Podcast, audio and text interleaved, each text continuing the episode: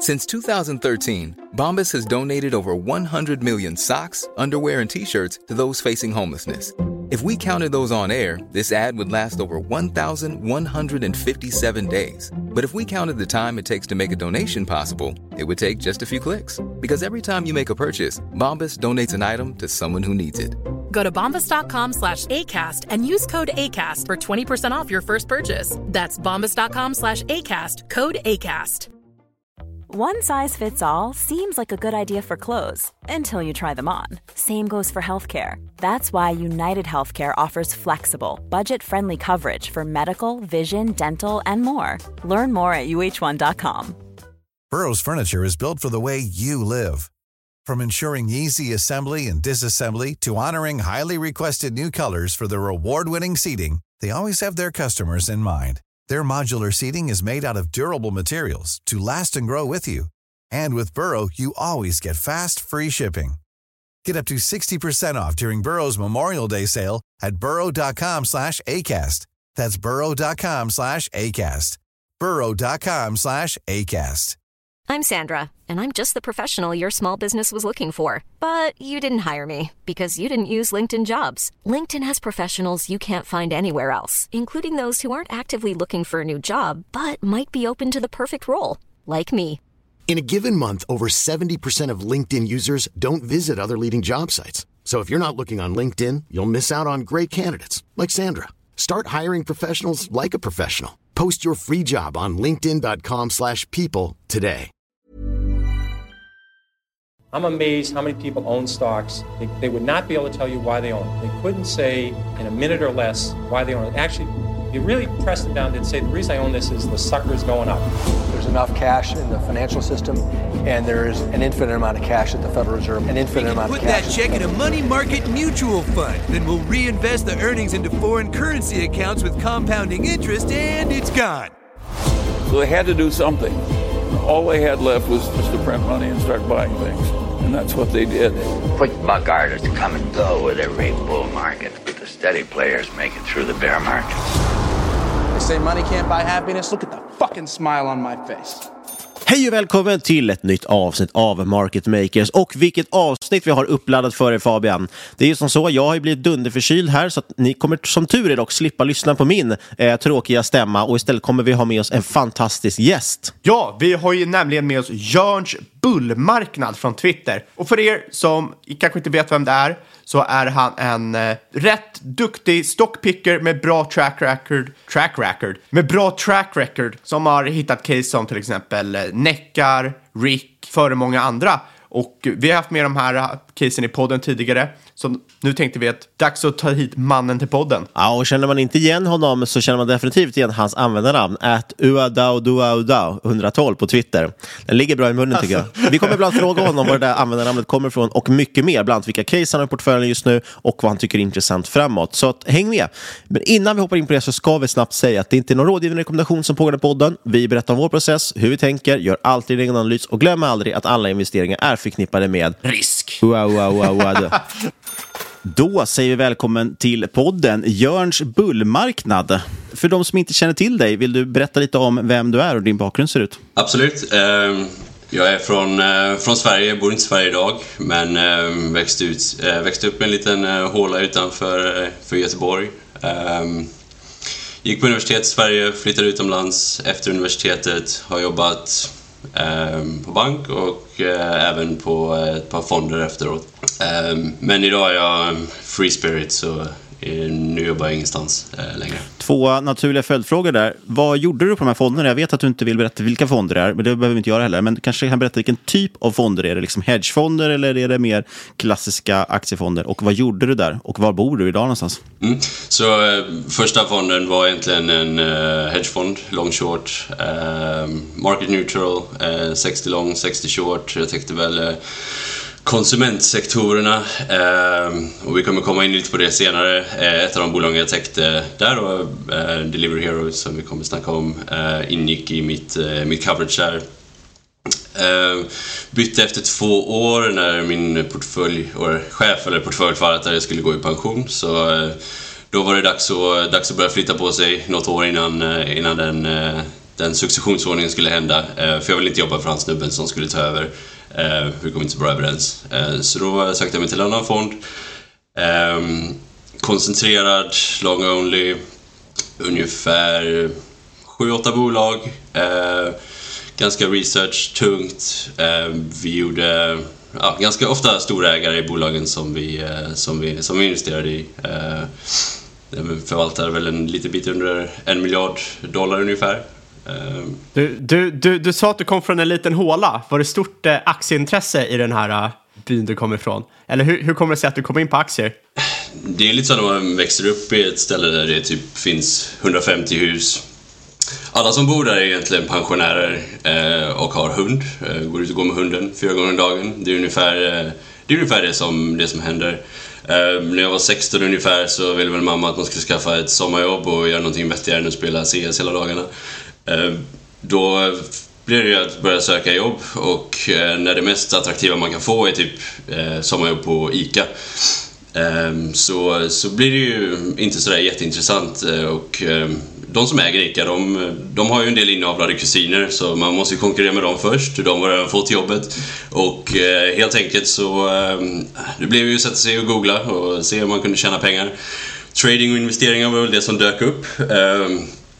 Och eh, ja, då var man ju under 18 så då fick ju morsan skriva på att man fick öppna ett, eh, öppna ett konto. Så, eh, så jag började väl, eh, började väl i den vändan ungefär med, med investeringar eh, i början. Så jag tror jag köpte mina första aktier 2009, 2010 eller något sånt där. Eh, tänkte väl inte så mycket mer på det. Loggade in något år eller två efteråt och eh, då hade aktierna gått upp för att ja, marknaden var väl egentligen på botten när man köpte. Eh, tyckte det var rätt, eh, tyckte det var rätt, verkade rätt intressant så då började jag egentligen att läsa på mer och då, då blev det helt enkelt, ja då gick man väl Warren Buffett, Peter Lynch och liksom började, började härja ordentligt och flytta över mer och mer pengar till, till att börja investera. Ehm, och sen, eh, sen när man var på universitetet så växte det intresset. Så egentligen var väl anledningen till att man började gå på universitetet var inte för att jag tyckte det var så kul att plugga. Jag hatade ju att plugga egentligen så jag hade rätt kassa betyg. Och, men eh, i Sverige finns ju högskoleprovet så det kunde man ju skriva i alla fall. Eh, så lyckades man få en hyfsad, hyfsad poäng där. Och, kom in på universitetet och ja, på den vägen var det. Sen försökte man väl på, gå på få, så få klasser som möjligt egentligen eh, och ändå ha tid att sitta och, sitta och kolla på aktier. Eh, så det är väl inte så det, så det startade från, eh, från första början.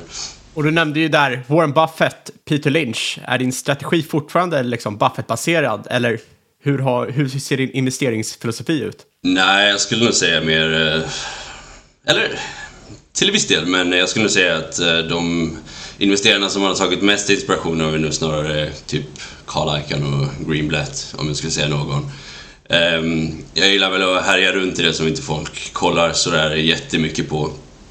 Ehm, så det har nog skiftat, eh, skiftat mer och mer. Ehm, något annat som man fokuserar mer på idag kanske än vad jag gjorde förr är väl egentligen typ runt corporate governance, att man har eh, bra ledare, entreprenörer som driver bolagen.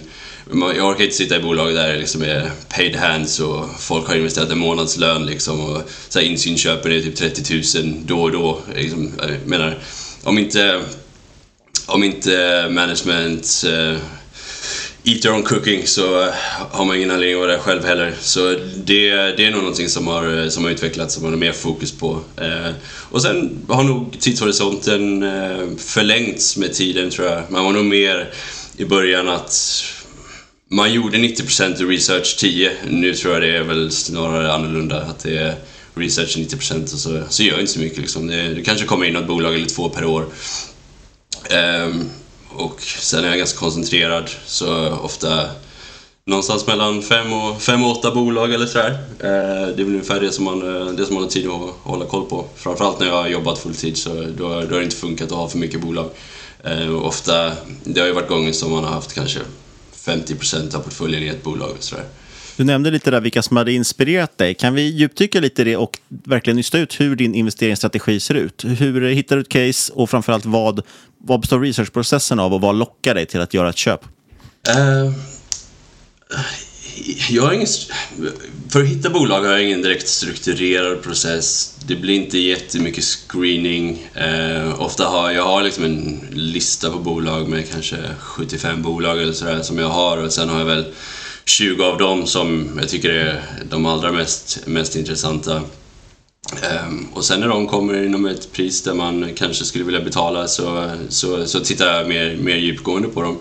Men eh, mycket av de investeringar som har varit kanske de senaste tre fyra åren är det snarare att man har, man har liksom trillat över någonting eh, som eh, kan vara någon annan investerare som man läser ett, eh, läser ett brev eller det, det, kan vara det kan vara någon man hittar på Twitter. Eh, ofta de inte mest kända profilerna, för de mest kända profilerna de snackar ju bara om populära bolagen, så de har ju aldrig någonting nytt att inflika ändå. Så, eh, men det finns en eh, liksom, direktmeddelandefunktionen på Twitter är ganska användbart för eh, ju mer man hänger där och ju mer man skriver, ju mer kommer folk med case till en också eh, innan de ens publicerar det inte.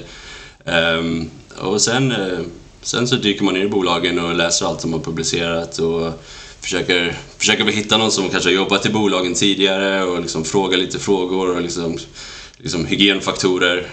Um, men överlag så, så vill jag försöka hitta bolag som, som växer någorlunda, eh, har bra unit economics och förhoppningsvis att de kan öka marginalen i framtiden innan marknaden har liksom uppfattat att det händer. Och eh, oftast mindre bolag blir det, för att där är ofta, eh, det är lite det är lite mörker, så man får, eh, där får man betalt för sin research-tid. Det finns ingen analytiker som täcker eller så. Jag tänkte vi kan ju prata lite om ett case här. Du du eh, sa ju att du täckte Delivery Hero i ditt, eh, eh, för din tidigare fond. Men du är inte direkt positiv till bolaget. Har du lust att gå in på lite varför du är så bäsig till Delivery Hero? Um, absolut. Um, jag tror att uh, Delivery Hero kommer nog gå till noll skulle jag tro. Uh, om inte Process kommer baila ut dem uh, förr eller senare. Så bara för att ta liksom food delivery ehm, one-on-one så finns det två olika modeller. Så du har dels modellen som, eh, som heter Logistics. Eh, det är liksom Uber Eats. Så du går in på Uber Eats, du beställer, eh, du beställer mat och Uber Eats förare åker till restaurangen, hämtar maten och droppar den hos dig. Sen har du det som kallas för Marketplace, vilket är en annan modell och då går du in på en plattform Just Eat är väl den största i världen ehm, eller i västra, västra delen av världen i alla fall. Eh, du går in där, du placerar din order och sen levererar restaurangen. Så det är två skillnader i delar här. Så du har eh, dels en plattformsmodell och sen har du en modell som är väldigt eh, personalintensiv med alla förare som du måste betala. Eh, Marketplace-delen är liksom 85% eh, bruttomarginal business, eh, lite andra kostnader på toppen men eh, i en, eh, i en eh, ska man säga, i en lite mer mature marknad så kanske du gör 60-65% eh, ebitda-marginal. Ja, det, det, blir väl för plattformsbusinessar, de tar ju inte heller någon risk. De har ju inga förare som är ute någonting, de står ju bara och skär emellan och, och förmedlar det. Eh, logistics måste ju vara jättemycket svårare, alltså de som är egna förare, och få till bra marginaler i. Exakt, så eh, om du då har en, eh, om du har en modell där du måste betala föraren men din kommission, kommissionen på Marketplace är betydligt lägre. Så där är någonstans runt säg 12 procent. Eh, kommissionen för logistics, eftersom att du har föraren också, den är kanske runt, eh, runt 30 procent. Det innebär att på en normal order med 20 euro eh, av värde så, så får Uber Eats då 6 euro contribution. Men sen måste de betala den här snubben för att åka runt på sin moppe och, leverera maten. Ehm, och, tror, och vanligtvis så kostar det någonstans mellan låt säga 5 och, 5 och 6 eh, euro kanske här. Det gör att redan innan deras overheads är tagna så har de egentligen, egentligen förlorat, eh, förlorat pengar. De kanske är break-even eller tjänar lite grann. Um, men sen har du ett fenomen inom food delivery att, eh, ja, som jag tror de flesta har upplevt är att eh, du får liksom en, du får en kupong eller du får en voucher i mailen som säger att ah, nu är det halva priset på mat. Och eh, det blir ju helt enkelt att den ordern är ju ganska kraftigt eh, förlust, förlusttyngande. Ehm, Delivery Hero har väl egentligen eh, gjort slag i saken att vi ska växa till varje pris. Och det har man ju också gjort, så man, man spenderar ju extrema pengar på, på vouchers. Jag tror 2020 så spenderar man väl runt, runt 380 miljoner euro ungefär i, eh, i de här promotions enbart och sen har du, sen har du marketing eh, på toppen. Så Delivery Hero är faktiskt en, det är en eh, kombination av båda de här. Så de har Marketplace och de har också Logistics. Marketplace växer inte lika snabbt eftersom att där används inga vouchers överhuvudtaget egentligen. Utan det är enbart på Logistics som, som de här vouchers skickas ut. Um, och Deliveroo gör allt för att de vill växa, så de flyttar över sin business från Marketplace till Logistics. Vilket gör att deras unit economics blir sämre och sämre ju snabbare de växer. Och det är någonting som vi har sett nu då, de senaste åren, att när de har flyttat över från, från den här lönsamma modellen till den olönsamma modellen eh, och premierats av sina aktieägare för att göra så också, för att tillväxten har ju varit, eh, varit extremt hög. Eh, så har vi nu börjat se att det spelar ingen roll hur mycket de växer för det finns ingen, det finns ingen skala att få här. Eh, utan eh, när man växer så växer förlusterna lika mycket. Eh, och det här har ju varit trots en extrem pandemi, pandemidoping som har varit de senaste, senaste två åren. Eh, under pandemin så, eh, så har när alla beställer, sitter hemma och bestämmer, beställer food delivery så, så behöver du först och främst behöver du inte betala förarna lika mycket för att de får jobb hela tiden. Eh, och då har vi haft egentligen fri tillgång på, eh, på eh, arbetskraft vilket har gjort att många har velat arbeta för att deras vanliga jobb kanske inte har, kanske inte har varit igång längre. Eh, och det har egentligen lett till att eh, man har fått ner priserna på delivery. Man har också inte behövt spendera lika mycket på marketing för att folk sitter hemma så de, de beställer mat ändå oavsett om de får 50 eller 20% rabatt den dagen. Ehm, Delivery Hero har också historiskt sett konkurrerat i västerländska marknader till, till hyfsat stor utsträckning. Framförallt i Tyskland som är deras eh, hemmamarknad. Men de blev utkonkurrerade av Just Eat Takeaway där och de lämnade Tyskland och eh, har istället liksom expanderat in till liksom, högkvalitativa länder som Nicaragua, Guatemala, Myanmar, Venezuela, Argentina. Så man har väl egentligen letat efter de ställena där ja, du har en hög inflation så att det ser ut som att man växer och det inte finns någon konkurrens. Men eh, har man varit i någon av de här länderna så vet man att food delivery kanske inte är det som står högt på listan för de flesta konsumenterna. Eh, det är klart att, det är klart att man, man kan växa. Om man inte växer från, någonting, eller från, från noll till någonting så, så är det också, också tillväxt. Eh, problemet är att förlusterna eh, kommer som ett, kommer som ett brev på posten. Ehm, och tittar man på hur marginalerna utvecklats så Delivery ger skenet av att deras, ehm, att deras vinster förbättras över tid. Det man gör egentligen är att man har startat ett nytt segment som heter Integrated Verticals och det här är Quick Groceries. Så du sätter upp, de har ungefär tusen av de här eh, hubbarna. Det är liksom, du sätter upp i ett industriområde så sätter du upp ett hål i väggen där du har som en, eh, en dark store. Eh, där du har några förare, de plockar ihop, eh, plockar ihop orden och du kan beställa hem dina, dina matvaror. Eh, så det här är inte lagad mat utan det här är mer, eh, så att säga, eh, ICA, ICA shopping eller groceries som man kan säga. Um, och helt enkelt där har ju förlusterna, förlusterna skenat och ehm, man har lyckats att ehm, helt enkelt flytta över de här vouchern från sina core-segment som är sina, eh, sina geografiska segment till den här delen då. Så på så sätt har man visat att vår contribution profit eh, går upp.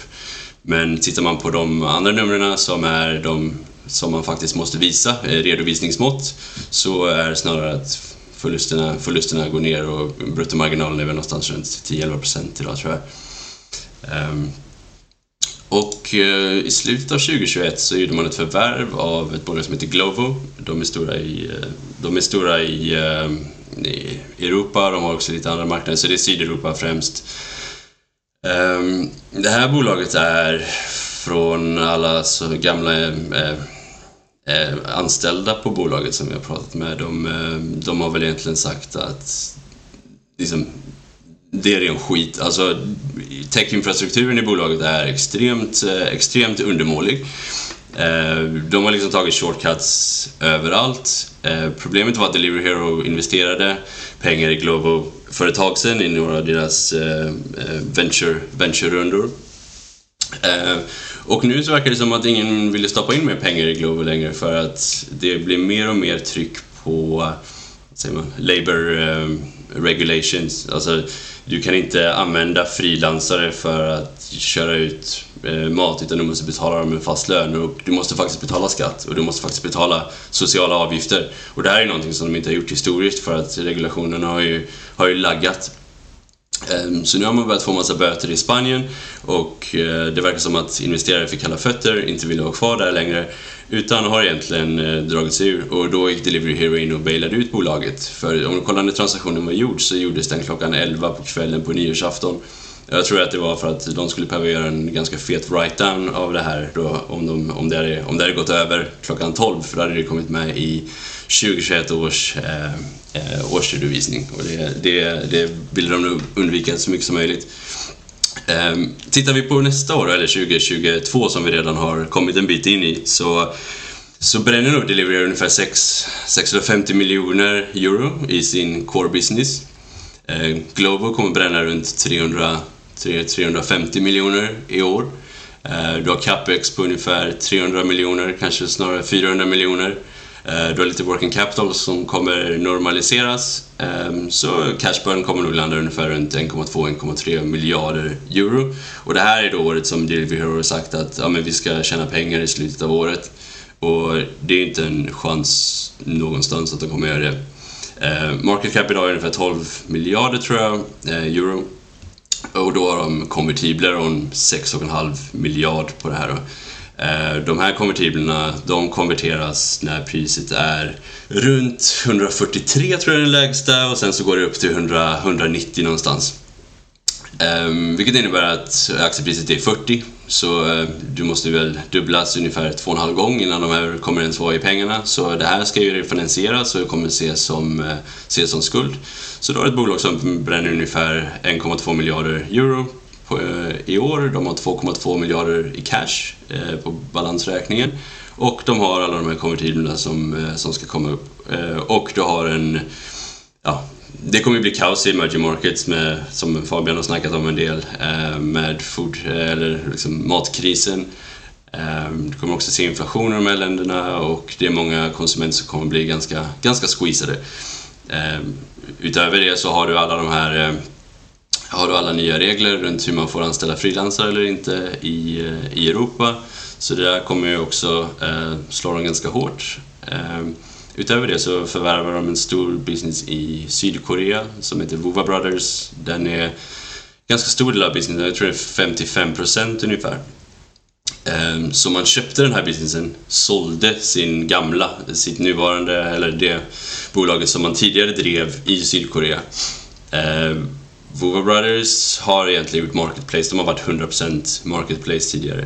Men givet hur Sydkoreas eh, kultur runt food delivery ser ut så är, så är kommissionen till restauranger väldigt låg och man har egentligen kört runt break-even även under, under covid.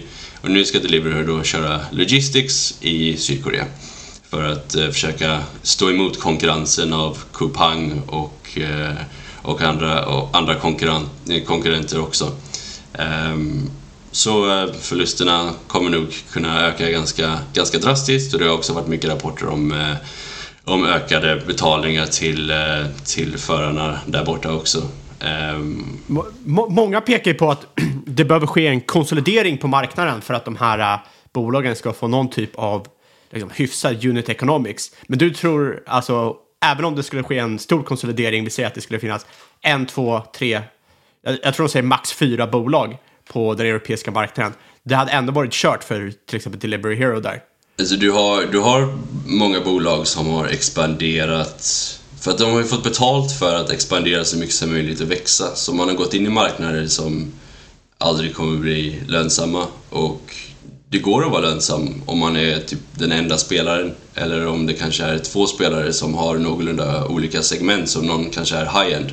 Så kollar du i London till exempel så har du Deliveroo och deras business i London är helt okej. De kan säkert tjäna pengar där men de har ju också massa andra marknader, typ som Spanien som de gick ur och de har Italien och Frankrike och, och så vidare. Där de inte har någonting att göra egentligen utan de bränner bara pengar. Så det kommer behöva lämnas marknader. Alla kommer behöva göra det. Och nu verkar det som att eh, fönstret för kapitalresning har stängt. Så nu måste bolagen börja, eh, börja bli lite mer, lite mer rationella. Ehm, det kommer ju ske eh, stora deals inom sektorn, det är ju ingen snack om saken. Frågan är vilka som kommer köpa, köpa vilka. Du har ju DoorDash i USA, sen har du Just Eat Takeaway eh, i Europa, de är också i USA. Sen har du Delivery Hero som är eh, eh mer i Asien. Och sen har du Deliveroo som är den absolut minsta spelaren. Och Delivery, Deliveroo handlas väl till cash snart tror jag. Så eh, det, det är ungefär så mycket som, som folk tror på det. Och, eh, de lyckades ju ta in pengar under IPO så de kommer väl klara sig eh, ett gäng år eh, utan, att, utan att behöva resa kapital. De som är värst ut är väl, eh, det är väl, det är väl Delivery Hero som är, som är först ut. Och Prosus äger nästan 30% av bolaget redan och de har väl inte sagt att de inte kommer baila ut, eh, baila ut Delivery Hero. Eh, sen är väl frågan hur många av de här marknaderna som Delivery Hero äger som folk skulle vilja tänka sig att köpa. Eh, någonting kommer väl, kommer väl hända. Vi får se om... Jag skulle, det är inte säkert att det blir en stor deal där någon köper någon annan utan det kommer att bli en hel del eh, flyttande av eh, marknader eller man kommer byta marknader mellan varandra för att, eh, för att uppnå någon form av rationellt beteende i sektorn. Ja, jag såg precis här innan vi gick in och spelade in att Instacart som håller på med grocery delivery och pickup vilket såklart inte är exakt samma sak, men det är relativt liknande bransch. De var tvungna att, eh, och de är inte börsnoterade, det är privatbolag. De var ju tvungna att dra ner sin värdering. De slashade sin värdering med 40 procent idag. Och det är ändå privata marknaden som har stått emot mycket av trycket och jag tycker ändå att det visar lite på vad riskviljan är för de här typerna av bolag just nu.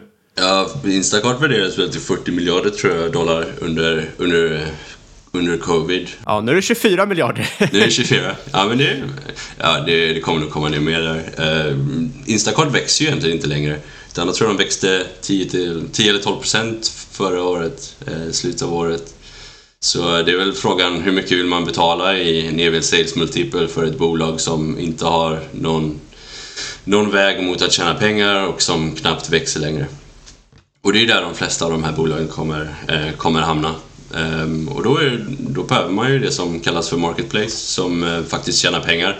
Och att ehm, om man inte kan ge bort vouchers hela tiden då kommer folk behöva betala vad det faktiskt kostar. Liksom, du kommer inte få maten för halva priset utan och då kommer tillväxten komma ner och då, då, blir, det att, då blir den spelaren som, eh, som har en, eh, den bestående eller fungerande affärsmodellen kommer bli, kommer bli stående kvar till sist. Det här är ju perfekt läge att hoppa över till nästa ämne och det är egentligen att avhandla lite av din egna portfölj. För du har ju många intressanta bolag där. Du har ju Rick, Neckar, du har lite oljedrillers. Um, så jag tänkte i stort sett, vi kan ju börja där med Rick. Väldigt populärt bolag på fransk-Twitter. Är, är, det din portfölj Fabian, eller ja, är det, det, det ja, Jag har bara kopierat. Fabian bara kopierat rakt av. Han har fan ingen skam alltså. ingen skam i kroppen, det är bara att köra på. Men skulle du kunna dra en snabb hisspitch bakom Rick, varför det ligger i din portfölj och framförallt vad du, hur du ser på bolaget framöver? Ska vi nämna lite snabbt bara också att man kan lyssna på avsnitt 202 om man vill få en genomgång av själva caset. Så tittar vi på eh, Rick då, de kör ju, eh, det här är ju, vad ska man säga, high-end strippklubbar i USA egentligen. Det här är ju en marknad som är, vad ska man säga, den är väl främst driven av... Det är en väldigt fragmenterad marknad. Så Ricky är en av de största spelarna, de har 2% eh, marknadsandel i landet. De flesta klubbarna är väl är ju liksom drivna av någon snubbe med så här stor guldkedja och eh, ja men typ så som du tänker dig hur en 60-65-årig strippklubbsägare eh, ser ut ungefär. Och det är väl ungefär kvaliteten på många av de här eh, bolagen och det är ju, det är ju Ricks konkurrens. Så det jag ser med Rick är att man har, man har en extrem marknad att växa på. Eh, man kan förvärva billiga klubbar på grund av att, jag menar, jag vet inte om, om man har jobbat inom en institution för, eh, inom, inom eh, förvalta pengar så vet man att de personerna som ger dig pengarna, som fondens pengar, eh, de är ganska måna av, eh, vi kommer komma in på det här mycket senare tror jag, nästa, eh, när vi snackar om drillers, men liksom, det finns inget kapital för det som inte tickar alla boxar när det gäller, när det gäller ESG. Ja, det finns väl i stort sett ingen, nästan ingen man kan vända sig till för att du kan inte vända dig till institutioner. Du, de flesta ägarna vill inte att deras barn ska ta över. Eh, det är jäkligt skambelagt att äga en strippklubb i många, många länder. Ehm, så, så att du har ju inte så många andra möjligheter än just Rick om du vill sälja din, sälja din klubb. Exakt, så man har ju historiskt sett kunnat göra förvärv till 4-5 gånger ebitda och man, man har ju liksom det är väl någonstans mellan 25 och 30 procent cash on cash return per år liksom, att köpa det här. Och de här klubbarna, de, liksom, de spottar ut hur mycket kassaflöde som helst och de pengarna kommer ju vilja, de kommer man kunna återinvestera till, eh, till låga multiplar. Eh, det finns inte egentligen några större, det finns några liksom, större konkurrenter men det finns ingen som är sån tillgång till kapital som, som Rick har och det, det verkar inte ändra sig heller för att liksom, private equity-bolag vill inte vara här för att hur ska de sälja det till sina eh, till sina eh, limited partners. Jag menar deras, deras investerare är ju liksom pensionsfonder och eh, liksom endowments och sådär. Och de är inte så sugna på att behöva sitta och förklara varför de äger eh, PE-bolag som investerar i strippklubbar. Ehm, så det är ju att eh, då får ju vi vara där istället och plocka upp brödsmulorna efter, efter de här gubbarna då. Ehm, så det vi ser liksom är att ett bolag som, som växer ganska bra, man har liksom ökat ehm, försäljningen per, per klubb eller per, eh, per kvadratmeter ganska, ganska aggressivt. Så det har varit någonstans mellan 5 och 6 procent. Och har man täckt retail så vet man att det är, det är en fantastisk siffra. Eh, och det är liksom per kvadratmeter inom klubben så säljer man för 5-6 procent mer år per år.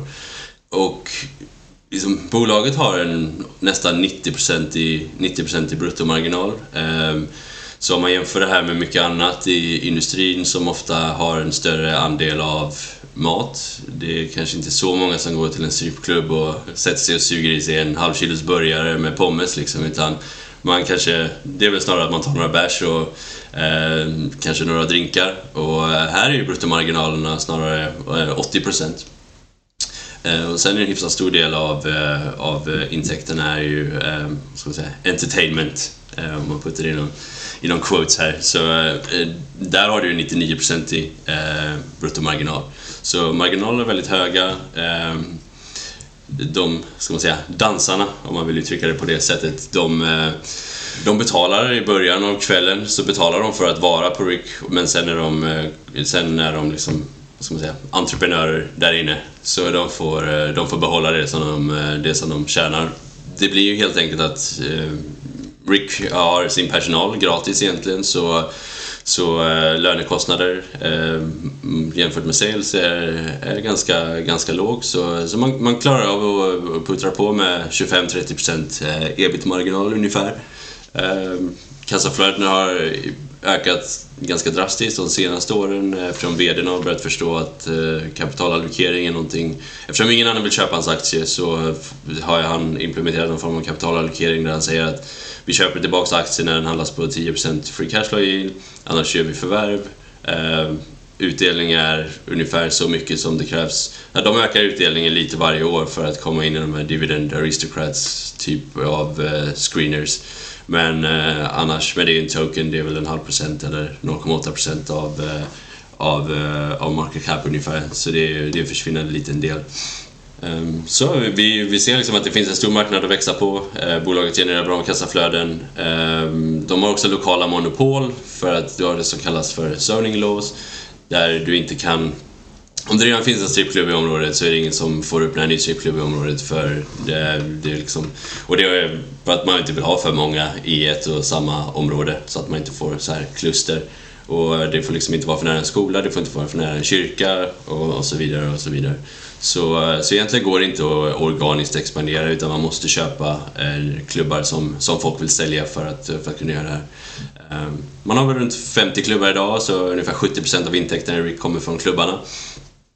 Eh, den resterande 30 procenten kommer från ett nytt koncept som heter Bombshells. Eller Bombshells har, det har funnits ett tag, man har jobbat på... Och det här är väl egentligen tänk en Hooters fast alla klär upp sig som eh, militär. Och du har liksom vapen och grejer. Så jänkarna, de älskar ju såna här grejer. Må, må, många finns otippat nog i Texas. Exakt, så det är ett av strongholds så att säga. Um, så Tanken nu är att man, eh, man har nio i Texas tror jag. Eh, man börjar expandera utanför, man har implementerat en franchise-modell så man inte kommer behöva lägga ner kapitalet först utan man låter eh, andra entreprenörer som, som man partner med de får liksom stoppa in kapitalet först och sen tar Rick en, en franchise-avgift på hur mycket, på hur mycket restaurangen tjänar. Och det här är egentligen sportsbarrestauranger. Tänk dig 175 TV-apparater folk drar dit klockan två på en lördag, krökar och kollar på sport. Eh, och sen så blir det att folk blir kvar där liksom under dagen. Hur, hur kommer det sig att liksom, Bombshells är ett intressant koncept? För jag tror inte det är så många som hade velat investera i till exempel Hooters om det hade varit ett självstående bolag att investera i. Um, liksom, jag har ingen egentligen syn på att det här kommer spinnas av eller någonting utan jag är nöjd så länge de... Liksom, om, om bolaget Rick handlas på 10 gånger fritt kassaflöde eh, livet ut för mig så tycker jag det, det är ändå, det är ändå okej okay, liksom. Jag tror man kommer kunna växa kassaflödet ungefär 30% per år de kommande kanske 10 15 åren. Eh, så jag ser inga, inga större problem med att det inte blir liksom någon form av multipel, multipel expansion. Men eh, jag tror att det här är ett koncept som skulle kunna, som skulle kunna eh, spinnas av någon gång, någon gång i framtiden. Man har ett mål om att eh, öka från idag eh, runt 10 restauranger till ungefär 100 om, om 10 år. Eh, så vi får, vi får se hur det, hur det går liksom. Aktien är inte speciellt dyr som den är, så den hamnar väl på kanske 11-12 gånger fritt kassaflöde i år. Och på toppen så får den här optionen då med, med Bombshells som ja, om de får ihop 10, liksom 100 restauranger om 10 år så, så lär det vara många gånger börsvärdet om ändå och då har man under tiden kunnat återinvestera mycket av kassaflödena i, eh, i nya klubbar. Hur, eh, hur hållbara tror du marginalerna är för, för Rick? Tror du att det finns risk för marginalpress eh, vi ser ju till exempel nu inflation. Hur kan det påverka konsumenten? Kan det göra att liksom, folk besöker strippklubbar mindre? Eller bobshells mindre? Det är ju en, eh, det är ju någonting kanske som man inte... Jag skulle tro att man eh, väljer nog att köpa mat före man går på strippklubb. Eh, de flesta av oss gör nog det i alla fall. Så det är klart att i en vikande konjunktur så så kommer, det ju, så kommer det ju såklart att sjunka, men det är ju sant med, sant med många bolag. Tittar vi på inflationen så jämför du med andra jag ska se om kan kalla det, restaurangkedjor så är ju de betydligt mycket, i en mycket värre sits. Kollar du på liksom Wingstop eller Jump Brands eller vad det nu är så är ju den värsta kombinationen du kan ha i inflation är egentligen att du säljer mycket kött Alltså du är en restaurang som säljer proteiner. Eh, för det är där den största inflationen eh, oftast, oftast hamnar. Eh, och det är också svårt att pusha vidare priserna på konsumenterna. För om du gör det så går de till restaurangen ner på gatan istället. Så eh, det är, ett mycket enklare eh, substitut. Kollar du på Riks så är det ju liksom bruttomarginalerna är ju nästan 90% så du, du säljer ju mycket alkohol där liksom markupen är betydligt större. Så även om priserna för alkohol ökar så får du inte, får du inte alls samma kompression på marginalen. Och entertainment services, det är klart att man kanske... Eh, att dansarna kommer kräva bättre terms men samtidigt så finns det inte så mycket alternativ. Så ehm, jag tror att om man ska äga någonting inom den här industrin som kommer funka rätt bra i inflation så, så ligger nog Rick uppe i toppen i alla fall. Ja, och om man hoppar vidare på nästa bolag då, som är rätt liknande. Eh, båtvarv, och då menar jag Neckar. Avsnitt 153 eh, kan vi tipsa om där också. Kan, kort hisspitch där då. Var, varför ligger det med i portföljen? Uh, ja, Neckar är egentligen ett bolag som uh, jag började köpa innan corona egentligen. Jag kom väl över en presentation som inte uh, av ett bolag som jag aldrig hade hört om. Och där stod det att, och det fanns inte i några uh, audited financials eller någonting. Så market cap var runt 300 miljoner NOK och man hade, tror runt 300 miljoner NOK kassa, eh, net cash på balansräkningen. Så det här var ett bolag som handlades ungefär till net cash.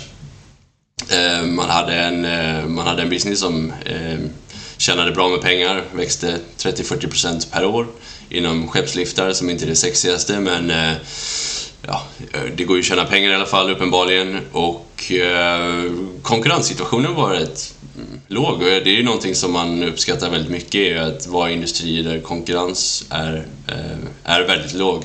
Man hade en konkurrent egentligen eh, i USA som heter Pearson och de har väl en mycket högre kostnadsstruktur än vad Neckar har. Utan Neckar har en outsourcad modell där man liksom är mer av en arkitekt eller designer av skeppsliftar som, eh, som byggs ihop i tredje part. Eh, så kostnadsstrukturen är betydligt mer effektiv så man kan man kan buda på alla de här tenders med nya projekt till eh, betydligt lägre pris än vad ens typ enda konkurrent kan göra.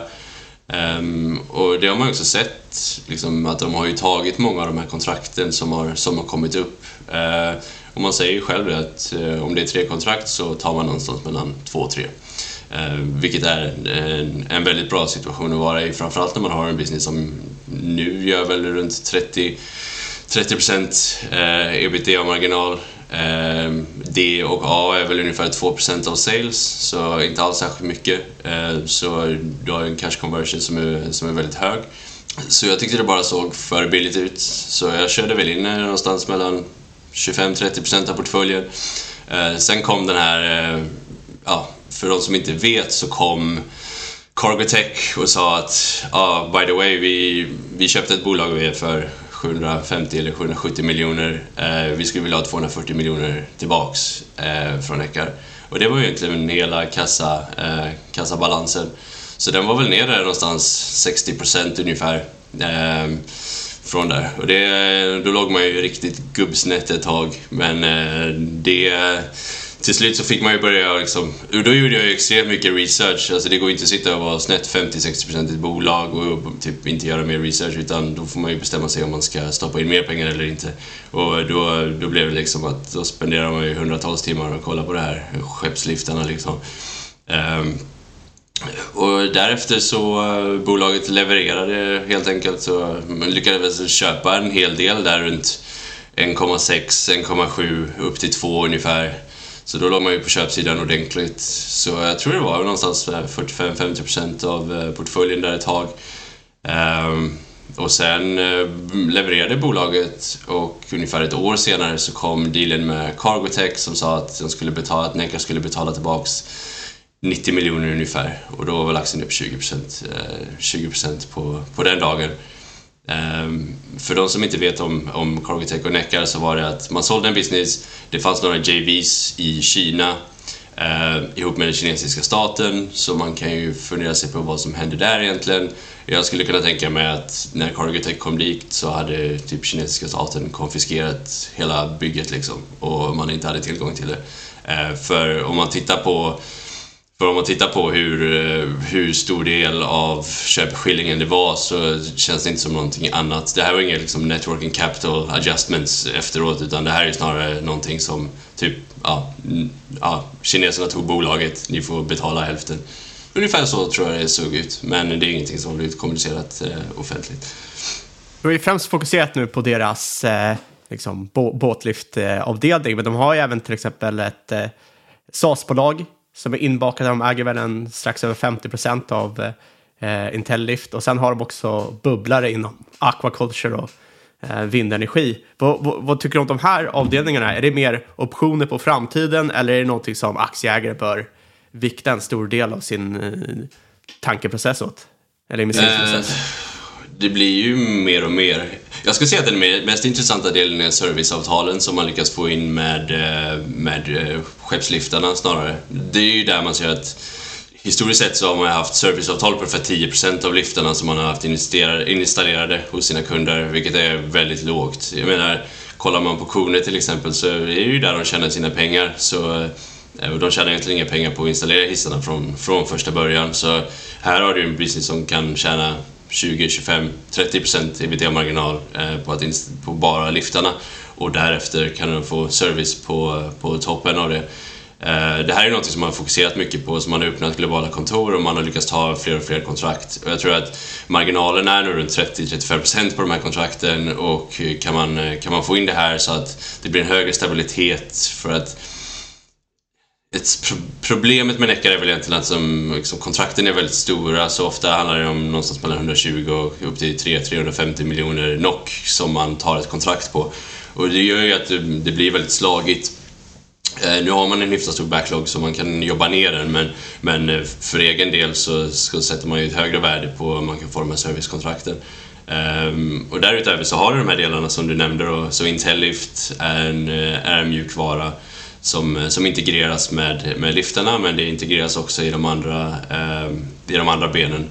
Så du har samma inom, eh, inom eh, aquaculture eller starfish som det heter, där integreras den också. Eh, så jag tror att Intellift kom in, de är samma ägare som styrelseordförande i Neckar, han äger väl den resterande delen av, av Intellift. Um, så han har väl egentligen stoppat in Interlift, gav bort hälften av det och sen har piggybackat på, på Netcash business och kunnat, uh, kunnat växa det.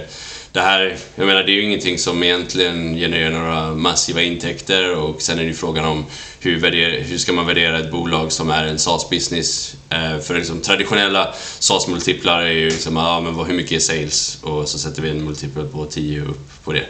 Eh, det kanske man inte ska göra utan man kanske ska tänka lite mer i formen av en, eh, av en ägare, att man äger hela bolaget och som hur mycket kassaflöde kan genereras från, från Intellift eh, över tid. Eh, jag har väl inte satt något jättevärde på det här utan eh, vi, får se vad det, vi får se vad det tar vägen. Eh, det verkar som att det är en ganska robust eh, programvara som är enkel att modifiera beroende på användningsområde. Ehm, så förhoppningsvis kan det användas till någonting mer. Ehm, jag tror nog att den här ingången till offshore, eller först onshore wind, men det kommer nog komma offshore wind senare. Man har ju någon deal med, med två stycken eh, OEMs inom, eh, inom offshore eh, och liksom här vindturbinerna. Så, så vi, vi, får se lite vad det tar vägen. Ehm, det som ligger först i pipen är ju snarare Starfish då, och där är ju laxburar. Så i Norge så, så finns det, jag tror det är 4000 lax, eh, lax, inte laxodlingar, men de här burarna som är i och det är ungefär 50% av eh, världens kapacitet av, eh, av lax. Och de, I Norge så har man regulationer runt det här som säger att du måste flytta runt de här burarna hela tiden.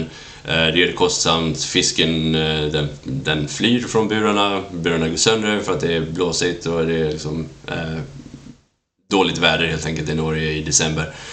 Ehm, och utöver detta så, eh, ehm, så bajar ju fisken rätt mycket. Så det här kommer ju till botten och det är därför de måste flytta runt buren hela tiden. Eh, vilket gör det kostsamt. Kan man spara in på det här, eh, inte göra så att fisken blir sjuk lika mycket, så att de inte skräpar ner lika mycket och att, ehm, och att man kan få ner mortalitetstalen för fisk som har ökat ganska drastiskt i Norge de senaste de senaste tio åren eh, i och med att det har blivit mer och mer exploaterad industri så, eh, så finns det ganska mycket effektivitet att, att tjäna eh, för, för odlarna. Med, med respekt för tiden så säger jag nu, nu hoppar vi över till det kanske viktigaste segmentet i den här podden, för nu ska vi snacka drillers. Och jag tänkte börja lite där med bara, hur, hur kom du ens in på drillers och, till att börja med? Mm. Jag gillar väl egentligen industrier som eh, som lite samma tema som Rick, att eh, det inte finns här extremt mycket kapital som, eh, som, flödar in i, eh, som flödar in i det. Utan det blir liksom de, starkaste, de starkaste överlever och de svaga, de svaga slås ut. Och, du tenderar att få en ganska bra konkurrenssituation över tid om, om det här händer och de som blir kvar de kommer tjäna extremt mycket pengar. Um, energi har ju varit uh, kanske på liksom, det värsta stället och olja och gas, om man exkluderar kol, har ju troligtvis varit, uh, varit det som har varit, varit värst. Liksom. Uh, och det är mycket prat om att det har varit peak oil och så vidare, och så vidare men um, olja växer ungefär ja, 1,1% per år och det är väl, idag så konsumerar vi ungefär 100, 100 miljoner fat olja om dagen och det här växer ju i takt med att, eh, i takt med att folk i, i fattigare länder emigrerar, eller emigrerar till, eh, till medelklassen. Eh, så istället för att ta åsnan till jobbet så tar man sin moppe till jobbet. Eh, och därifrån så kommer ju en, eh, en ökad konsumtion eh, hela tiden. Problemet här är väl att man har ju spenderat de senaste tio åren på att implementera ESG och liksom, om du har varit investerare så har du blivit shamed om du äger oljebolag. Om du är en bank så blir du också svartlistad om du lånar ut pengar till kolbolag till exempel. Och man har också tittat på det här att ja, de ska inte ha någonting med olja. Och har du lånat ut till oljebolag så kan du inte utfärda gröna obligationer så att du får lägre ränta. Så hela ekosystemet av kapital har ju drivit att det har blivit någon form av capital starvation inom, eh, inom stora delar av, eh, av, energi, eh, av energisektorn. Um, så ja, man började väl halva runt lite där och, och titta på, titta på vad, det, vad det fanns för någonting. Och eh, Borr Drilling är väl ett bolag som jag, som jag köpt in. Eh, en ganska stor position i. Eh, jag äger också Valaris som har en lite annan, eh, liten annan approach. Ehm, det är en extremt underinvesterad eh, bransch och det har varit egentligen lågkonjunktur sedan 2012. Ehm, nu tror jag inte det går att hålla så mycket mer på det utan kapital måste börja flöda in i, eh, i branschen. Men cost of capital för de här bolagen har ju gått upp extremt eh, under den här tiden. Vilket gör att oljepriset kommer väl troligtvis inte kunna ligga på 40 för att då kommer ingen att kunna tjäna pengar. Och eh, tittar man på alla oil majors så investerar de inte i olja längre utan de investerar ju mestadels i i renewables. För de har ju aktivister, eh, liksom miljöaktivister i sina, eh, eh, på sina, i sina styrelserum och så vidare. Så eh, den här liksom, oljecykeln kommer väl snarare drivas av eh, de nationella oljebolagen. Så typ Petrobras och eh, PTT, EP i Thailand och eh, typ Pemex och de andra. För där har du bolag som är integrerade i en statsbudget och de måste ju kunna liksom, ta hand om sina, eh, eh sin befolkning. Så de skiter ju i ESG. Liksom, för liksom, i Mexiko är det inte så att de bryr sig så mycket om hur miljön ser ut utan där är ju folk mer beroende av att ja, men kan man eh, eh kan man käka liksom, eller kan det liksom, eh, fungera landet på ett bra sätt? Så, eh, så de kommer ju driva den här, eh, de kommer ju driva drillingen under de kommande, kommande 5-10 åren skulle jag tro. Exakt, och då blir ju Borr och Valaris, hackar och spaderbolaget. Eh, men då kan man ställa sig frågan där, hur kommer det sig då att du till exempel föredrar Borr framför Valaris? De har ju två olika kapitalstrukturer. Valaris har inga skulder, Borr har jättemycket skulder, så man skulle kunna tänka sig att man skulle föredra Valaris där till exempel. Mm -hmm. eh, först och främst så, det billigaste sättet att utvinna olja det är ju att gå onshore. Så det är liksom Eh, tänk typ Saudiarabien. Du borrar oljeöknen och olja kommer upp egentligen. Eh, när, de här, när man har utnyttjat den kapaciteten då blir det att då går man ut i havet och letar. Då har du... Eh, och borr är enbart i den delen av drilling som heter shallow, shallow water drilling. Eh, och det är det som händer först, så du borrar, jag tror maximalt 150 meter ungefär, så alla riggarna står på ett djup som är eh, mindre än 150 meter. Eh, det finns vissa speciella, men eh, generellt så är det så. Eh, det här är den delen som är liksom absolut billigast på kostkurvan eh, efter onshore. Ehm, så du klarar helt... Liksom, producenterna kan få ihop kalkylen ehm, eh, med marginal på runt 50-60 dollar eh, oljepris. Jag har ingen jättesyn på liksom var oljepriset kommer gå. Eh, utan för min del var det mer att jag vill vara där som, ehm, som man så man vet att det kommer finnas en, eh, en ekonomisk hållbar eh, kalkyl för ens kunder att göra om eh, oljepriset håller sig ovanför 60. Eh, och det är väl ungefär det dubbla idag, så det finns väl en del, eh, en del marginal i alla fall. Um, sen har Borr helt, de har egentligen helt nya riggar, eh, så den genomsnittliga åldern på, på flottan är 4,5 år.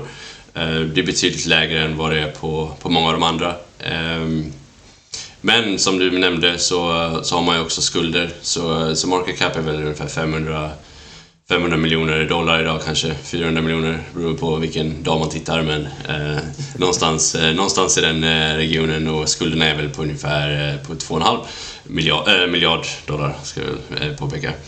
Ehm, sen är det väl skillnad på skuld och skuld också, så stor del av den här skulden är ju är till ens suppliers eller de här shipyardsen då som har, som har byggt de här eh, riggarna.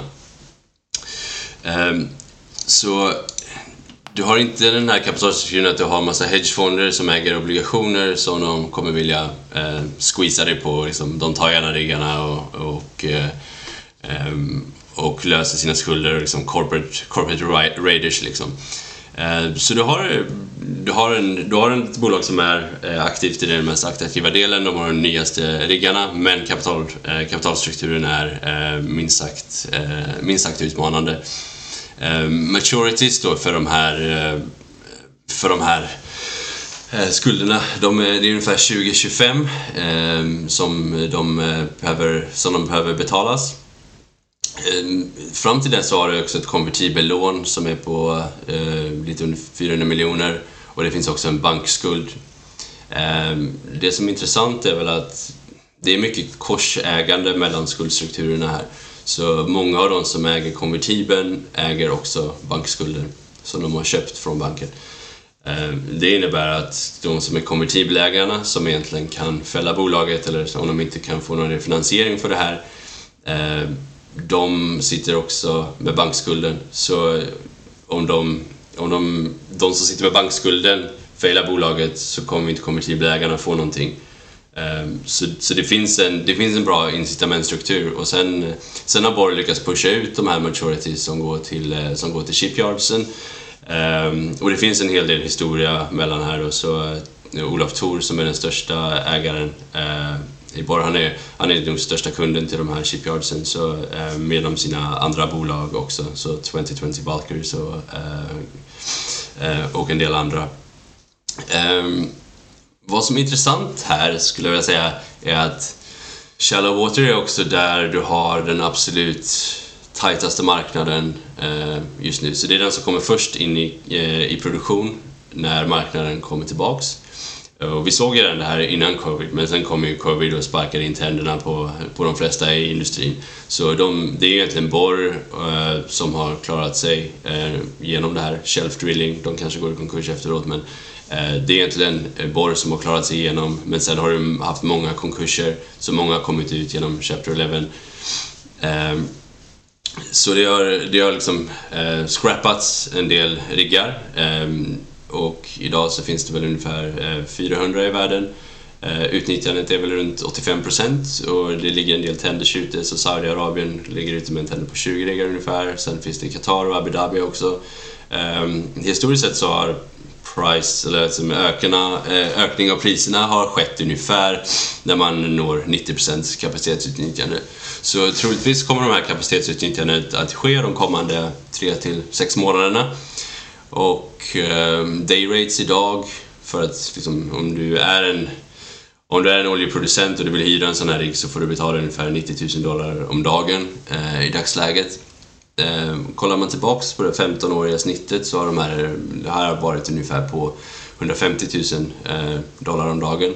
Och det är troligtvis dit vi är på väg de kommande, de kommande månaderna.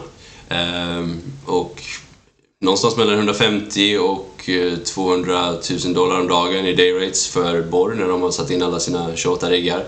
Så hamnar ebitda någonstans runt eh, en och en halv miljard dollar. Ehm, så du kan ju se ganska snabbt att man har tid på sig att betala ner skulderna och när marknaden kommer tillbaks nu, eh, för att tittar vi på hur marknaden ser ut så är det så att det, problemet är inte efterfrågan just nu utan det är snarare utbud. Och Borg är den som hjälper till att eh, se till att utbudet finns på marknaden. Så det är ganska uppenbart, i alla fall för min del, eh, att, att, det här kommer, att det här kommer komma tillbaks. Eh, om det inte blir någon extrem eh, kollaps i världsekonomin de kommande sex månaderna. Men eh, det, det, får väl, det får vi väl återstå och se. Men, Eh, det är ju extremt billigt om man, eh, om man anser att de kommer göra de här raterna de kommande, de kommande åren och då kommer inte skulderna vara några problem och man kan refinansiera. I eh, början på 2010-talet så hade ju USA shale-revolutionen och nu är det många som pratar om att det kan komma tillbaka. Tror du eventuellt shale kan vara en risk för shallow water drillers som borr? Om de kan komma in med billigare olja? Jag tror att det vi har sett är väl att de, de eh, eh, fälten som har borrats, liksom, Shale har ju aldrig genererat positivt kassaflöde under sin livstid eh, som ett eh, kollektiv.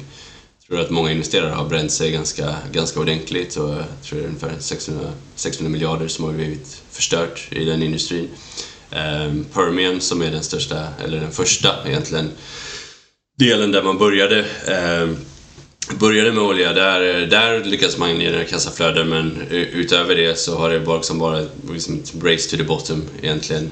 Eh, tittar man på de flesta noterade bolagen inom olja idag så handlar det inte, det är ingen som går ut och snackar om att man ska eh, expandera utan nu handlar det för alla om att betala ner skuld och eh, ge kassaflöde till ägarna. Eh, och det är ju egentligen, egentligen det vi ser.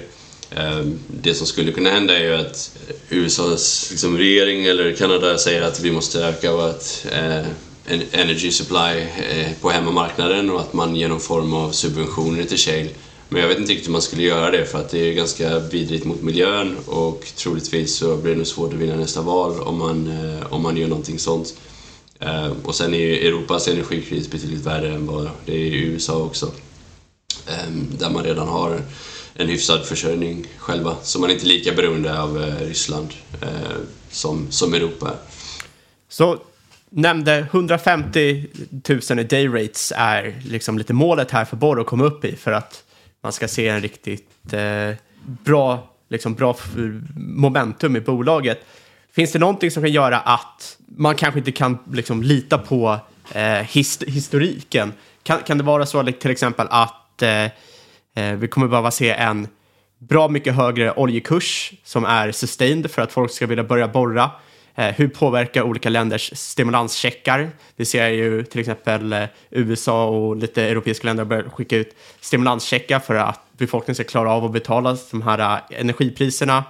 Vi har sett windfall profit, eller taxes på windfall profit. Är det här någonting som kan påverka när, ja, helt enkelt efterfrågan på de här ryggarna? Det kommer nog tillbaka lite till det vi nämnde förut. För majoriteten av Borgs kunder är liksom eh, det är de här nationella oljebolagen. De, de bryr sig inte liksom, utan eh, de kommer inte införa några nya skatter eller någonting. Utan här handlar det för dem är att okej, okay, oljan är på 120 Eh, vår statsbudget, vi har spenderat så mycket pengar som helst på covid, nu ska vi printa pengarna igen. Och USA ringer till oss och säger till oss att om inte ni fixar, om inte ni fixar supply av olja nu för att Ryssland, för att vi ska sätta in sanktioner mot Ryssland så eh, kommer vi liksom komma ner och se till så att säkerheten är, säker, så att det är säkerställt i ett land. Liksom. Och det är nog ungefär på den nivån man, eh, man är på idag. Eh, jag tror det är uppenbart för de här länderna att i sin budget inkludera att, att öka sin, öka sin oljeproduktion de västerländska bolagen i liksom Nordsjön som typ BP, Shell och liksom, eh, Statoil eller Equinor. De, de sitter i en helt annan sits. De kanske inte kan göra det här för att det blir, och det blir för de måste ju hela tiden ta hand om vad, liksom, de externa relationerna. Men de bryr sig inte om det i de, här, i de, i de andra länderna. Um, och jag menar, windfall taxes är antagligen uh, någonting man kan räkna med. Uh, så liksom, energipriserna ökar så man ger stimulanser på ena sidan och sen så säger man till oljebolagen att uh, ja, ni är dåliga för miljön så vi kommer öka skatterna för er.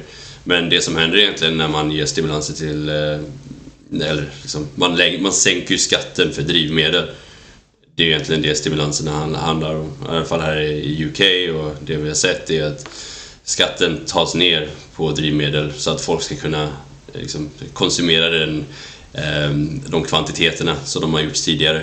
Så det här ökar ju efterfrågan om något. Sen får vi väl se liksom vad som händer ehm, med ehm, ökade, ökade skattesatser och så vidare. Men oljepris på 120, tror det, det, sätter man in restriktioner mot oljebolagen så blir det snarare att de blir mindre sugna på, och, på att borra olja. Och, ja, det, det, det är lugnt liksom för att eh, det finns alltid någon som vill borra i något annat land. Liksom. Guyana, Nigeria, eh, Thailand. Eh, sen har du också en del liksom, eh, Mexiko. De, de bryr sig inte så mycket om sånt där. Så det, Eh, det, kommer, det, kommer att komma, det kommer att komma tillbaks. Så det är inte särskilt orolig för. Det, det snackas mycket också nu om demand destruction och det är om oljan når en tillräckligt hög nivå, hög nivå så kommer efterfrågan runt om i världen på olja minska. Eh, hur ser du på den oron? Är den överblåst eller är det någonting man liksom borde oroa sig för? Kompenseras inte det av att alla stater nu betalar ut bidrag till eh, skattebetalarna? Ja, exakt. Det är mycket möjligt att det kan vara så. Det som jag hade helst sett med Borg är att oljepriset stannar där det är. Liksom, allting över 80-90 dollar gör att det finns stora incitament för eh, deras kunder att och, sätta riggarna i arbete. Och det, det kommer antagligen ske de kommande månaderna. Det, det låter på, på VD som att eh, liksom, under sommaren så kommer allting, allting vara i arbete och raterna kommer troligtvis, eh, troligtvis komma upp. För vi kommer ju från liksom, covid lows. Men de här budgetarna för att, eh, för att öka oljeproduktionen, de rör sig inte lika, lika snabbt. Det, det görs inte över natt liksom, utan det ska liksom sättas in i statsbudgeten och det ska, eh, det ska planeras för det. Så eh, nu har vi haft olja ett tag eh, på högre nivåer så eh, det kommer nog eh, det kommer, det kommer komma tillbaka här ganska, ganska snabbt. Om man tittar på demand destruction eh, det värsta caset är att oljan typ drar till 400 och sen kommer kraschandes ner. Eh, det är ju att man inte vill se. Utan går den 400 då kommer antagligen eh, borr gå upp ganska mycket under tiden för att folk tror att eh, det kommer borras mer olja. Jag tror inte att det är sant riktigt utan då kommer jag nog titta på att sälja ut lite för att jag vill inte sitta i och med att man har skulden som arbetar emot sig så vill jag inte att liksom man hinner inte klämma in en finanskris till emellan eh, eh genom att oljan liksom bräcker hela, bräcker hela ekonomin. Utan eh, här handlar det om att oljepriset ligger det någonstans mellan 100 och 150 och ligger och tickar här i några år, eh, eller två, då, eh, då kommer det inte skulden vara några problem. För då kommer det betalas eh, rater som är 150-200 dollar och då kommer bolaget printa ungefär en och en halv miljard. Och jag menar, du har ett equity value på 500 ungefär så du betalar ja, ja, 0,3 gånger, 0,4 gånger earnings eller ungefär två gånger ev. Så det, det är okej okay, liksom. Ja, men kikar man på till exempel kanadensiska oljeaktier så är det många som värderas till VTI på 70 dollar. Att det kommer ligga kvar där ett tag. Eh, man ser också att liksom många av de här bolagen är värderade till liksom en, två, tre gånger kassaflödet. Medan många kanske tror att eh, det ska upp en två, tre, fyra x därifrån. Vad är risken här för att man prisar in det cykliska beteendet att man inte värderar, upp aktier till till exempel ev ebitda 10 utan att det ligger kvar på ev ebitda 2? Uh, ehm, jag hade gärna sett ett sånt uh, scenario. Uh, jag menar, då är det ju bara att göra buybacks. Uh, och ja, har, du en, har du ett bolag eller en styrelse eller en ledning som förstår vad kapitalallokering innebär så är inte ett lågt pris ett problem. Problemet är ju när du har bolag som Honsi-bolagen, liksom, som liksom aktiepriset halveras och sen så fortsätter de att printa aktier istället. Det är ju någonting du inte vill se. Men inom oljebranschen så är det ju verkligen kutym att köpa tillbaka aktier när, när värderingarna är låga. Och det är därför ingen investerar idag heller. Hur går det till ägarna? Liksom, du kan köpa din egen aktie för typ 40% free cash flow. Hur går det, liksom, du köper tillbaka bolaget på två och ett halvt år. Hur, hur motiverar du för dina ägare liksom, att du går och expandera och liksom börja borra nya, nya hål i, i havet eller marken. Det funkar inte liksom. Du får ju... Och sen har du ju en helt annan faktor också som är institutionella kapitalet. De, jag menar när man jobbar på en fond och du har liksom... Okej, okay, det finns fonder som har egentligen enbart kapital från så kallade consultants. De här personerna är typ boxtickare deluxe som typ tjänar 3 miljoner om året för att typ, sätta upp möten och lyssna på presentationer. De här personerna kommer med sina långa formulär och säger om ah, vad är en ESG-policy och så får man fylla i ett 25-sidigt dokument där man diskuterar hur en ESG-policy är. Sätter du in ett oljebolag i din portfölj så får du liksom förklara det. Liksom, då blir du inkallad till möte och så får du förklara varför du köpt olja.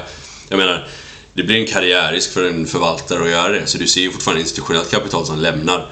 Så jag menar, det kommer ju antagligen komma någon gång när folk säger att ah, men vi kanske till och med behöver olja, eller varför börjar vi inte förbättra oljeindustrin eh, istället för att säga att allting är dåligt. Liksom, det måste ju vara någon form av eh, middle ground liksom, där inte allt ESG är det bästa utan om du har stora utsläpp som sker via oljeindustrin, varför är det inte bättre att liksom förbättra det man har? För att oljan kommer inte försvinna de kommande 40, 50, 60 åren. Så då kan man väl, om man vill möta de här klimatmålen så är det väl, då är det väl bättre att börja förbättra allting som, som redan finns där ute. Liksom, det som händer idag är att ingen kan investera, det är bara Borr som har nya riggar. Om du kollar på Shelf till exempel, de har ju sina gamla svettiga riggar i Indien som har stått där i typ 40 år. Och de liksom, det är ju så här hål i golvet, ingen AC, eh, som spottar ju ut liksom, eh, olika eh, eh, fossila liksom, gaser i, eh, i atmosfären.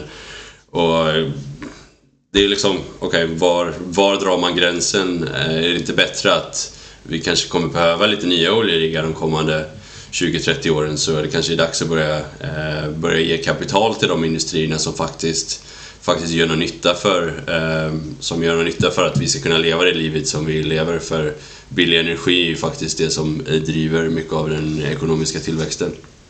Eh, så jag tror, att, eh, jag tror att folk kommer börja inse det här förr eller senare att eh, kanske man kanske ska kolla lite mer. Det är inte allting inte svart eller, svart eller vitt som det, som det sällan är men det blir väldigt lätt så när du har såna här eh, pappersvändare som sitter emellan där alla ska ticka boxar hela tiden. Då, då, då, blir det svårt liksom. Du kan inte äga, du kan inte äga många av de här bolagen. Eh, men då får du ha bolagsledningar som eh, vill äga större del av sin eget bolag och köpa tillbaka aktier. Och, eh, ja, har man det så spelar det ingen roll. Jag menar, jag tar gärna 40, 50, 60% free cash flow per år. Så länge de köper tillbaka halva bolaget per år så spelar inte det någon större roll för min del. Ehm, man har ju tillräckligt lång, lång horisont för att orka sitta igenom det i alla fall. I alla fall om man har suttit igenom det här, ehm, den här skuld, eh, skuldamorteringen så tror jag man eh, kanske inte stannar, kanske man inte lämnar det första taget och springer till nästa case utan man sitter och ehm, tar emot lite vinster. Med det sagt så ska vi börja runda av. Och eh, vi har bara två frågor kvar. Eh, en är en Twitterfråga och du nämnde ju där nya case. Det är en fråga från Value Teddy på Twitter. Han frågar, har du några nya case på radarn? Eller är du fullt upptagen med olika drillers? Um, nej, jag håller väl koll liksom, men uh, jag gör väl ganska mycket, mycket research just nu liksom, uh, på olika bolag. Men uh, ja, det är inget jag har delat med mig om idag i alla fall. Eh, så eh, kanske kommer senare men innan jag har byggt en position så, så är det ju dumt att snacka, snacka egen bok liksom. Jag vill inte att folk ska fronta mig eller någonting sånt där. Ja, det, är, det är sant, du måste ju fronta marknaden. Nej, exakt. Vår standardfråga också är vad är din bästa respektive sämsta investering och vad har du lärt dig av dem? Um, sämsta investering troligtvis Leo Vegas. Eh, kostade ganska mycket pengar. Eh, ja, vad lärde man sig av det? Jag vet inte, jag, ehm, när man får en käftsmäll så lär man sig att eh, ja, man, får alltid, man får alltid göra jobbet och inte, inte bry, sig om vad, bry sig om vad andra tycker. Jag menar, det bästa är, när man älskar är när man hittar bra case där folk tycker att man, eh, man har fel. Liksom. För då, eh, då vet man ju att det är många andra som har avfärdat det här direkt. Eh, så det har inte jag någonting emot. Sen är man väl lite introvert också så det, det skadar väl inte att man, att man håller till på sin egen kammare. Men jag, jag tror att någonting som man, har, som man funderar mer över det är just det runt corporate governance som vi nämnde tidigare. Att, liksom, att man, har, man har ledning som är, som är väldigt ja, involverad i bolaget och äger mycket själva. För om det går till helvete för bolaget så vill man i alla fall att, eh, att management ska torska mer än vad man själv gör. Um, nu har ju Gustav Hagman en hyfsat hyfsad stek i Leo. Uh, men uh, ja, de hade, de hade en bra period och det kanske var... Det var multiplarna gick upp samtidigt som de hade en, en riktigt bra period och sen så kanske man inte gjorde tillräckligt research på, uh, på förvärven de gjorde. Och sen blev det ju hela en, en härdsmälta egentligen. Så han tog väl stoppen där runt 50 kanske, 55. Ehm, men ehm, ja, jag vet inte om jag lärde mig så mycket av det egentligen. Det, jag tror det är mer så här kumulativt. Liksom. Man har ju utvecklat lite över tid. Det blir svårt att liksom dra... Det här var ju några år sedan så... Um, jag tror investeringsprocessen och hur jag tänker runt investeringar förändras lite hela tiden också. Så det är svårt att dra några så direkta lärdomar hur jag investerar idag från det misstaget jag gjorde då. Um, men, eh, men överlag så eh, ofta är det att jag tror man lär sig över tid att man inte ska skynda sig med saker. Utan man väntar, man väntar hellre på att grejer ska komma, komma till en. Och att man, eh, man zoomar ut lite grann och eh, tar det lite lugnt. Man springer inte på varje boll. Det finns, det finns många bolag liksom att titta på. Eh, bästa investering troligtvis, det är väl troligtvis Evo eller Cherry skulle jag tro. Det, det krävs väl ingen mer. Evo köpte var, var nej Cherry, sorry. Eh, Cherry var nog bäst ja, jag vet inte riktigt. Det är nog likvärdigt ungefär. Men Cherry köpte man när market cap var runt 300 miljoner kanske, 250, 300, någonting sånt där. Det var väl egentligen, eh, den idén fick man väl egentligen från, eh, från Nemcap eh, då. Och eh, jag vet inte, Nemcap är väl en av de gubbarna som man har lärt sig mest av genom, eh, genom åren. Så det är väl, eh, skulle jag säga att han har väl en väldigt sund eh, tanke runt, eh, tanke runt investeringar. Så eh, Cherry var nog det som har gett i alla fall ja, bäst relativt sett. Kanske inte, inte monetärt men eh, liksom i, eh, i procentuella sätt. Om man vill följa dig vidare så har ju du... Eh, kan du dra ditt Twitternamn egentligen? Hur ska man, eh, hur ska man uttala det? Det var ju lite av ett... Eh, tanken med det Twitternamnet var egentligen att eh, det var ju bara ett PR-trick. För jag tänkte att någon dag så kommer jag med en podcast och då kommer jag få extremt mycket frågor ut här. Um, och folk verkar vara extremt nej.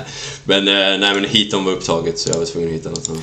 Ja, du heter ju att uadadua 112. Man undrar ju lite om de andra 111 var upptagna redan. Ja, så var det nog ja, vi får lägga en länk till det i avsnittbeskrivningen tror jag, om man ska kunna hitta dig. Annars kan man söka på Jörns bullmarknad också. Eh, Jörns bullmarknad är väl för övrigt eh, det är ju Örjan Berglunds eh, bolag. Jag gissar på att det är därifrån du har fått inspirationen. Ja, det dök upp i någon pressrelease där. Så jag kommer inte ihåg vad det hette förut, men kändes, eh, kändes bättre helt enkelt. Med det sagt så ska vi väl önska stort tack. Eh, superkul att du ville vara med i podden. Tack så mycket själva. Ja, det var ju tillbaka i studion en superbra intervju med Jörns bullmarknad. Eh, och vi ska väl kanske ska vi ta någon form av innehållsförteckning. Nu nämnde ju då Jörn en gäng bolag. Jag äger inte någon av dem som han plockade upp i podden. Gör du det? Ja, jag äger väl, jag äger väl mest borr här, eh, men jag har lite Ja, liten... förlåt. Borr har jag också faktiskt lite grann i. Oj, oj, äntligen kommer det! Nej, men och så har jag lite, lite Rick och Necka, men jag har skalat ner rätt mycket i dem. Eh, så det, det är främst borr man behöver akta sig för. Oavsett vad vi äger och vad Jörns bullmarknad äger så är inget av den här podcasten rådgivning. Alla åsikter våra egna, vår gäst och eventuella sponsorer tar inget ansvar för det som sägs i podden. Tänk på att alla investeringar är förknippade med risk och sker under eget ansvar. Kontakta oss jättegärna på podcast.marketmakers.se eller på Twitter och aktier at marketmakerspod. Där kan du sen skicka synpunkter, tankar, idéer på case, tankar och idéer på gäster också absolut. Eh, och ni får jättegärna lämna en recension på iTunes. Och sist, men absolut inte minst, Stort tack för att du har lyssnat, kära lyssnare. Vi hörs igen om en vecka.